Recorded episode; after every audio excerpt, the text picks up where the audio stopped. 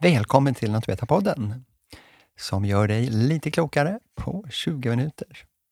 Vi som leder det här programmet är jag, Palle Liljebäck och min kollega Sara Folker. Båda två jobbar på Naturvetarna, som ger ut den här podden. Och idag möter vi eh, livsstilsprofessorn Maj-Lis Helenius som kommer alltså tillbaka nu och pratar om kost och hälsa. Hur stor betydelse har den i jämförelse med till exempel fysisk aktivitet? Och arvet, det ska vi kanske få svar på idag. Vi välkomnar Maj-Lis Helenius.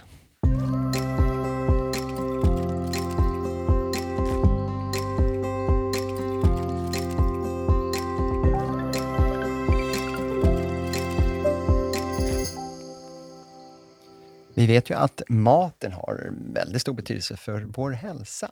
Inte bara fysisk aktivitet alltså, utan vad vi stoppar i oss. Och eh, jag vet ju att ni på KI, Maj-Lis, har ju lanserat någon eh, pyramid, matpyramid, som kanske inte ser ut som, en, som, man, som man gjorde förr, om man jämför med den här kostcirkeln till exempel, utan här är ett annat tänk. Hur har ni tänkt här? Åh, vad roligt att du tar upp Matpyramiden. Ja, men den gillar vi. Den har vi gjort tillsammans med Hjärt-Lungfonden. Ja, men det är en pyramid som ska illustrera vad är bra mat för däggdjuret människan. Men det som skiljer den från den gamla kostcirkeln, det var inte dum den heller, men vi tycker ännu bättre om pyramiden.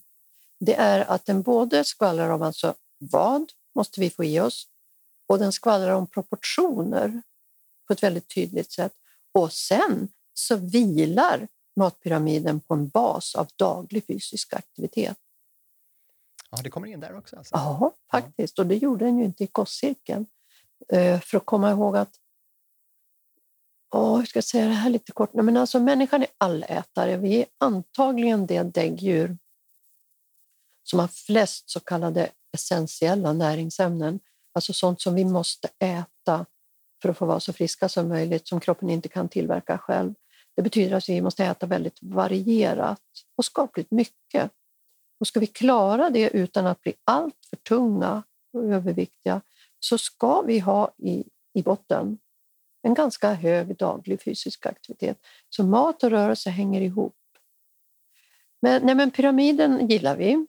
Den är vad, pedagogisk. Vad hittar man mer för någonting om vi tänker ovanför, skiktet ovanför eh, fysiska aktiviteten? Ja, jag ska försöka beskriva matpyramiden. Alltså basen, den breda, tunga basen, den är, ibland säger vi grön, men egentligen är det inte bra. Man skulle säga att den är färgglad, för där har du väldigt mycket sånt som växer helt enkelt. Där har vi grönsaker, baljväxter, alltså ärtor, bönor, linser. Vi har rotfrukter, vi har bär, vi har frukt, vi har nötter, vi har mandel, vi har färska kryddor. Där nere finns också grovt bröd, alltså svenskt eh, rågknäcke till exempel. Där finns ris och där finns korn och frön, ska jag inte glömma.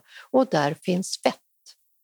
Men fettet som borde vara basen, basfettet, är flytande vegetabiliska fetter, alltså matoljor. Det är det nedre lagret. Hoppas jag inte glömmer något nu, men tänk er, den är väldigt färgrik. Sen blir det lite mindre yta. Där kommer något från havet. Vi människor mår bra av att få i oss något från havet. Det kan vara musslor, skaldjur, fiskar, kan faktiskt vara alger också. Sen kommer kyckling och ägg och allt det här från kossan animaliska produkter som vi äter väldigt mycket av i, i norra Europa och i, i, i USA till exempel. Men det finns där. Sen är det ganska trångt, nu är jag nästan uppe i toppen. Där kommer processat kött och rött kött och så längst upp i toppen i ett litet trångt utrymme. Där är det lite rent socker och eh, salt.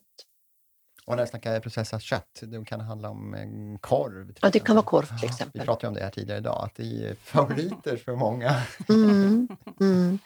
Det, här, det här är svårt, för att det är skillnad på korv och korv också.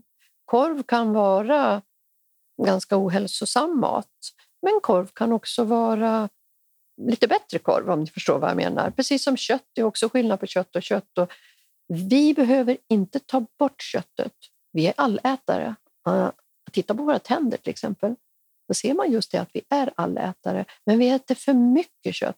Vi pratade nyss mot slutet av samtalet om fysisk aktivitet, om balans. Och det gäller i hög grad våra matvanor också, eller den kost som människor mår väl av, att det ska vara balans. Men allt finns där faktiskt. Det är ett annat skäl till att vi gillar den, och den har ju gått hem den här pyramiden. Den sprids som affisch och eh, kylskåpsmagnet nyligen. Det är att allt finns där. Det är liksom inte något som är förbjudet, utan det handlar om eh, proportioner. Men ris sa det, det tillhörde liksom långt ner med Ja, och gärna fullkornsris då. Ja. Och det är ju också så att ju mer vi förädlar, att du tar ris eller om vi tar mjöl till exempel, att vi, det bästa är ju när vi låter kornet vara så som det är och inte tar bort de här höljorna där vi har väldigt mycket av nyttigheterna. Det är också en form av att processa maten, det vita mjölet jämfört med hela korn som är mycket bättre för hälsan. Så vita mjölet är kanske inte det allra bästa? Nej, det vita mjölet är inte det bästa. Men, och det är det här som gör det så spännande och roligt med mat, men också så svårt. Vi kan inte säga att nej, men mjöl måste vi ta bort, eller kolhydrater ska vi ta bort, eller fett ska man inte äta. Det var länge sedan man kunde tala i sådana termer. Basen förresten, den är full av kolhydrater, men bra kolhydrater. Grönsaker, baljväxter. Vad säger du till de som väljer olika dieter? Mm. Ja, om det är en patient på livstidsmottagning till exempel, om, nu finns inte livstidsmottagningen längre, men vi säger att den finns. Då måste jag först fråga, vad är det för diet och vad, är det, vad, är det, vad brukar du äta? För folk lägger... Alltså det är svårt att veta vad någon menar. när Man säger att ja, jag äter eh, stenålderskost, jag äter LCHF, jag äter ketogenic, jag äter eh, eh, South Beach Diet, jag äter 5-2, då måste man börja med att sätta sig ner och prata om aha, hur och vad äter du och när och så vidare. Men eh, oftast så för vi ju in samtalet på att prata om mat och matvanor och balans även här. Och sen förstås skulle man ju önska att, att vi alla fick lära oss i Ja, i skolan då. Vad behöver människokroppen för att vi ska må så bra som möjligt och få vara så friska som möjligt? Och på vilket sätt ska vi äta? För det handlar ju inte bara om vad vi äter, vilka näringsämnen, utan det är också viktigt hur vi äter. Att vi inte småäter hela tiden. Och 5-2 till exempel, alltså olika typer av periodisk fasta. Att inte äta, kanske äta väldigt lite två dagar i veckan har blivit oerhört populärt. Men i fjol kom en genomgång av all forskning som finns om periodisk fasta. Det finns överhuvudtaget inga långtidsstudier som visar att det verkligen har effekt på risken att bli sjuk och livslängd och så vidare, inte på människa. Mat är ett svårt område. Det handlar tyvärr väldigt ofta om vikt. Eh, mat är eh, känsloladdat. Mat är otroligt starkt kopplat till traditioner i familjen eller i ett land eller kan vara kopplat till etnicitet, kan vara kopplat till religion. Eh, mat väcker känslor. Det är komplext. Otroligt. Det handlar långt ifrån bara om eh, näring. Precis. Vi började prata om näring för bara någon minut sedan och jag är redan inne på känslor. Mat är komplext. Mm, mm. Och matvanor. Men det är så att man håller sig till den här pyramiden då, om man liksom har den som mm. ett äh, rättesnöre. Mm. Då kan man klara sig ganska bra. Ja, absolut. Därför att den här pyramiden, att vi skapade den, det var ju ett sätt att försöka förenkla och förtydliga vad säger den samlade forskningen? Och den är omfattande idag. Vi, jag har tappat räkningen, vi är uppe i långt över tre miljoner studier. Det fantastiska är att idag kan man säga med mycket större säkerhet än för bara 5-10 år sedan att det finns ett sätt att äta, det är matpyramiden, jag försöker illustrera det, som är bra för varenda cell i kroppen. För att man ser i stora befolkningsstudier där man på allt bättre sätt, precis som med accelerometern som mäter rörelsemönster, så blir vi bättre och bättre på att mäta vad människor äter. Och så följer man dem framåt i tid för att se hur är olika matmönster kopplade till risken att få hjärt-kärlsjukdom, tjocktarmscancer, bröstcancer, demens, Alzheimer, typ 2-diabetes, depression. Och då ser man att det här matmönstret som pyramiden försöker berätta om, det är kopplat till hälsa. Och då kan man tänka, ah, att det där låter ju för bra för att vara sant. Men det är som med fysisk aktivitet, att det finns ett sätt, om vi skapar en miljö i kroppen för alla våra celler så mår de bäst av det. så att säga. Det finns ett matmönster som är, som är bra och som inte är farligt. Nej, det är ju lätt när man står där i eh, i livsmedelsaffären och plockar fram sina matvaror det ser man ju att det ofta är ganska mycket ifrån eh, kossan, som du var inne på tidigare. Det är mejeriprodukter och det är biffen. Så lite mindre av det, mm -hmm. låter det som. Precis. Ja, men så är det. Det är väldigt mycket från kossan i Sverige. Och vi är uppfödda med och det. Det är en tradition också. Det är en tradition. Det är en tradition. Alltså gammeldags. Och det är viktigt att jag inte glömmer att säga gammeldags traditionell medelhavsmat det är inte någon diet, utan det är, det är en ganska fin modell för ett hälsosamt ätande. Och där fanns inte så mycket kossor. Men de hade ju tur de rackarna som föddes där bland olivlundarna och kanske kust i närheten och färska grönsaker, baljväxter åt ju fattiga människor på landet. Det råkade bli en riktigt bra sammansättning av, eh, alltså det blev ett bra kostmönster. Men du kan skapa ett medelhavslikt matmönster med svenska produkter också. Raps går rätt bra? Absolut. Vi har skogen full av bär, vi har kål, vi har ärtebönor, vi har uh, rapsoljan, vi har, vi har massa bra, vi har fisk inte att förglömma, vi har rågknäcke, vi har rotfrukter. Så man ska inte fastna på det där med medelhavsmat utan det är ett vad ska jag säga? Ja, det är en modell. Havren är väl rätt bra? Havren är jättebra. Och råg. Mycket bra.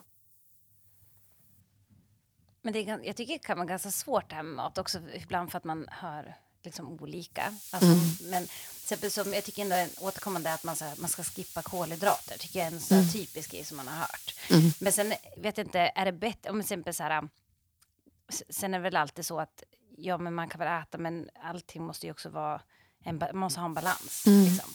Men mm. om man tänker då som pasta, där har jag så otroligt liksom skillnad på att man ska ha fullkornspasta eller inte, till exempel. Mm. Vad som är bättre. Det här är ju jätteviktigt det du tar upp och det är det som gör att det, att det upplevs som svårt ibland. För det är ju jättevanligt det här att man ska inte äta kolhydrater. Och det, om man tittar på matpyramiden igen då, till exempel så har jättemycket kolhydrater i botten, mm. men bra kolhydrater som mm. vi ska äta mycket mer av. Våra män ska nog äta ungefär dubbelt så mycket grönsaker som de gör idag, minst. Även vi kvinnor. Uppe i toppen, det där som vi ska äta väldigt lite av, sockret, mm. det är ju också kolhydrater. Mm. Men det är en enorm skillnad på kolhydrater och kolhydrater. Och det är en enorm skillnad på fetter och fetter. Så att ibland brukar jag säga, alltså det är ett enormt intresse från media om man jobbar med livsstil och hälsa. Jag har sagt några gånger, var inte rädd för vare sig fett eller kolhydrater. Men vi kan välja lite klokare. Mm. Hitta till de som är bra för hälsan. För det är också svårt när det kommer till socker. Då tänker jag också som bröd. Om man pratar så här, ja, men man, mörkt bröd innehåller oftast mer socker, mm. till exempel. Mm. Eh, och då blir, tycker jag, nu, jag tycker mörkt bröd är gott, men jag tycker också om ljust bröd. Och då, mm. där är det också svårt då egentligen, tycker jag. För då säger man så här, men det är bra att ha fullkornsbröd. Men så kollar man liksom på baksidan på förpackningen och så innehåller det mycket mer socker än mm. ett ljusrostbröd. Liksom. Men där har vi något i Sverige som tyvärr har blivit lite bortglömt. Andra länder har upptäckt det nu och det är det svenska nyckelhålet. Nyckelhålet, det betyder att om du jämför, nu står vi vid brödhyllan, jämför vi olika brödsorter. Sitter det nyckelhål på, då är det mindre socker, bättre fettkvalitet, mer fibrer och mindre salt. För det är så lurigt och det här är något som vi också, vi konsumenter kan bli klokare och mer medvetna. Men livsmedelsindustrin måste hjälpa oss här så att vi lättare själv kan vända på en vara när vi står där och ska handla och se vad är det i den här egentligen? För vi blir ju allt mer medvetna konsumenter men vi måste ju förstå vad det är som mm. står där egentligen. Och då är nyckelhålet superbra. Så jag skulle önska att fler livsmedelsproducenter använder sig av nyckelhålet. Andra länder har köpt det nu, men i Sverige har vi nästan glömt bort den. Nej, det har vi inte. Den har fått en... Den är återupptäckt nu, precis. Man, kan, man kommer ganska långt alltså med den? Ja, det gör man håller faktiskt. utkik efter ja. nyckelhålet. Ja. ja. Och tänk om man kunde göra små gröna spår i en livsmedelsbutik. Så att man... Vi är tillbaka till nudging. Nudging, precis. Nej, så att man tar sig igenom en livsmedelsbutik och kommer ut i andra änden med många steg och någonting eh, schysst i matvagnen eller kassen. Ja, du tänker liksom en röd väg, här den onyttiga vägen och sen den gröna. Mm. Men det var ju det där med pengar och ja, det finns ju ekonomiska intressen också i mat måste vi komma ihåg. Jag tänker på det med salt, ja. som liksom har varit en, en uppe i debatt många mm. gånger. Eh, vi får i oss för mycket, mm. vet man ju. Ja. Vad gör, eh, Vad gör det? industrin åt det? Ja. Är de lyhörda, eller? Mm. Jag vill, skulle vilja säga att vi är på väg åt det hållet, men här kan vi göra mycket, mycket mer som man har gjort i Finland till exempel. För att, alltså Finland, Sverige, vi har en väldigt hög saltkonsumtion och väldigt mycket får vi i oss i halv och helfabrikat och när vi äter ute på restauranger. Och eh, här skulle vi kunna vinna mycket hälsa bara genom att dra ner lite grann. Um, för att det vi saltar hemma själva vid bordet, det spelar naturligtvis också roll, men vi får i oss mera salt i halv och helfabrikat. Så här krävs det insatser från samhället också i form av regelverk, kanske lagstiftning. Men nyckelhålet är bra här också. Så man ska liksom inte salta på rutin? Nej, nej. nej. Vi var inne på det med eh, fettkvalitet. Mm. Fett är inte alltid fett. Nej. Utan det kan påverka ganska mycket vad jag förstått om man väljer de här flermättade fettsyrorna. Alltså Jättemycket. Fetter. Här har kunskapen ökat enormt mycket men den har inte nått ut. Nu kommer inom kort, bara några månader, uppdaterade nordiska näringsrekommendationer. De har föregåtts av en genomgång av nytillkommen forskning. 2019 var det väl, eller 20? Så kom, alltså Fram till några månader så är de amerikanska kostråden de mest uppdaterade i världen. Eh, sammanfattningen av nytillkommen forskning är på 800 sidor. Utifrån dem uppdaterade man kostråden. Nej, men till fettet. Vi vet idag mycket, mycket mer om vad de mättade fetterna, enkromättade fetterna och de fleromättade fetterna gör med vår hälsa. Och inom de fleromättade finns det olika sorter. Fleromättade finns sådana som är växtbaserade, till exempel från solrosfrön, solrosolja. De kan vara havsbaserade, havsfetter pratar vi om idag, alltså omega-3-fettsyror. Men de har båda minst två dubbelbindningar och de är livsnödvändiga. De måste vi äta. Varenda cell behöver dem. Fostret behöver det, växande barnet behöver det, vi behöver det. När vi blir äldre behöver vi det. Eh, och de behövs i varenda cell bland annat hjärnan. De enkelomättade fetterna de finns också av olika sorter och de är hälsosamma, de allra flesta av dem. Där har man till exempel oljesyran, en enda dubbelbindning som finns eh, väldigt rikligt i olivolja och rapsolja och i nötter och mandel. Och så har vi de mättade, där några av dem, inte alla, men den här palmitinsyran, och det här är lite nördigt men jag tycker att det är spännande. Det är en kolkedja på 16 kolatomer utan någon som helst dubbelbindning. Den är spikrak och den är fast i rumstemperatur. Den finns i väldigt höga halter i just smör. finns i alla mejeriprodukter men är mest i smör. Och den vet vi idag, inte bara att den höjer blodfetterna, för det har vi vetat i 50 år ungefär. Den ger mycket mer leverförfettning. Den ger lättare bukfetma om du har en man och en kvinna som äter precis lika mycket fett, men de där äter väldigt mycket mättande mättat fett och de där äter mycket fler mättat, så får de där mycket mera bukfetma. Det påverkar det, den här arma palmitinsyran som vi äter mycket av i Sverige, den är inflammationsframkallande. Man vet att den bidrar till exempel till inflammation i hjärnan och så vidare. Allt det här det är sånt som ligger bakom att kostråden ser ut som de gör. Och den palmitinsyran, var, var hittar vi den? Är det, och dessvärre i, smör, i smöret och palmolja. Smör finns det väldigt mycket. Vanlig smör, mm. Och smörkonsumtionen har ju tyvärr gått upp lite igen i Sverige. Vi är inne i en smörboom nu, har ni tänkt på det? Jag gillar att läsa recept. Det är inte bara det att det är smör på väldigt, i väldigt många recept, det är mycket.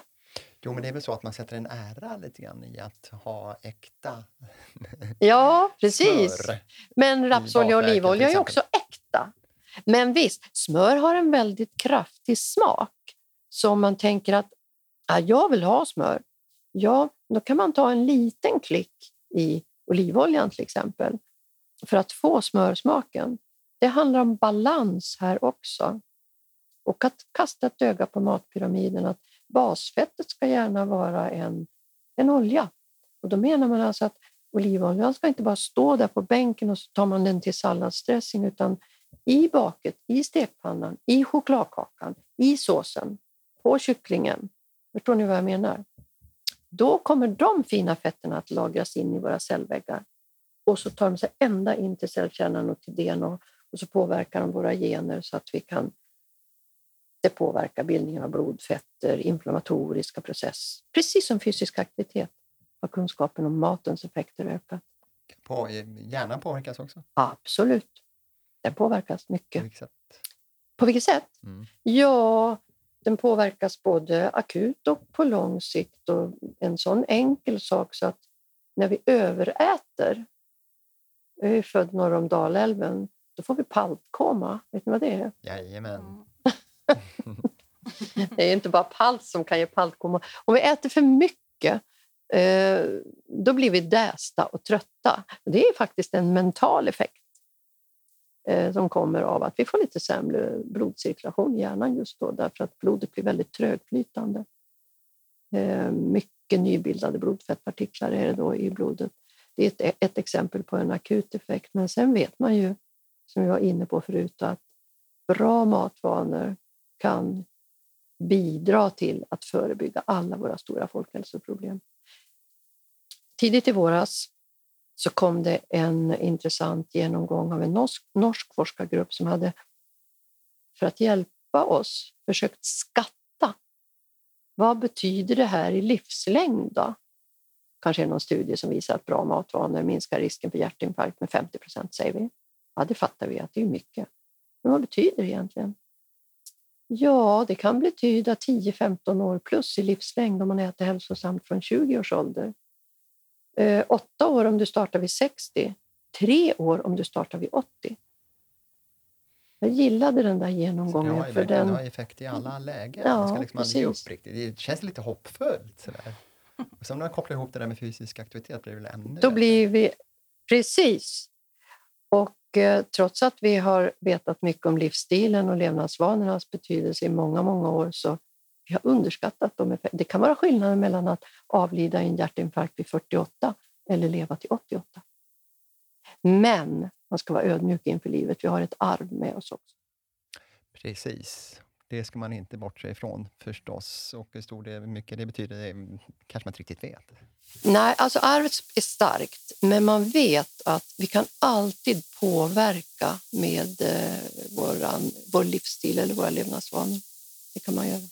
Ja, Maj-Lis Helenius, livsstilsprofessor på Karolinska institutet. Um, maten är så mycket, som vi varit inne på. Det är både näring, det är kultur, det är traditioner och sen kanske inte minst, sist men inte minst, det ska smaka gott. Mm. Det ska vara gott, gott att leva, det ska vara gott att äta och det där är ju en, en svår balansgång för sådana som mig till exempel som brinner för att skriva, berätta, undervisa om effekter av mat och rörelse på hälsan. Men utan att ta bort glädjen kring maten. För maten är ju otroligt viktig. Eh, Kan man unna sig bullen till eftermiddagsfika till exempel? Absolut kan man unna sig en bulle om man kan baka den på solrosolja. Ja, då blir det förstås en Ja, då blir den ännu bättre. Jo, men det är... Ja, men jag har ju skrivit en del böcker. Nu sitter jag inte här för att göra reklam för mina böcker, men jag har faktiskt skrivit en bok som heter Ta en kaka till. Och den skrev jag just med anledning av det här att eh, vi ska värna om våra traditioner. Vi ska värna om den svenska fikastunden till exempel. För då går vi ifrån en liten stund, får en bensträckare också, går till kaffeautomaten som du pratar om. Och vi pratar med varandra. Vi delar med oss. Vi kan prata jobb, men vi kan också dela med oss av glädjeämnen och sorgeämnen i livet. Och jag har hört så många gånger att nej, jag tar aldrig fikabröd och det var idén till att ja, men det är skillnad på en bulle och en bulle. Det är en skillnad på en nötkaka och en, en sån här drömmen och sånt där. Man kan välja, göra bra val där. Absolut. Mm. Ja, men lite, avsluta med en fika, det är väl aldrig fel? Nej. vi får tacka dig så mycket, Maj-Lis. Tack. Tack så mycket.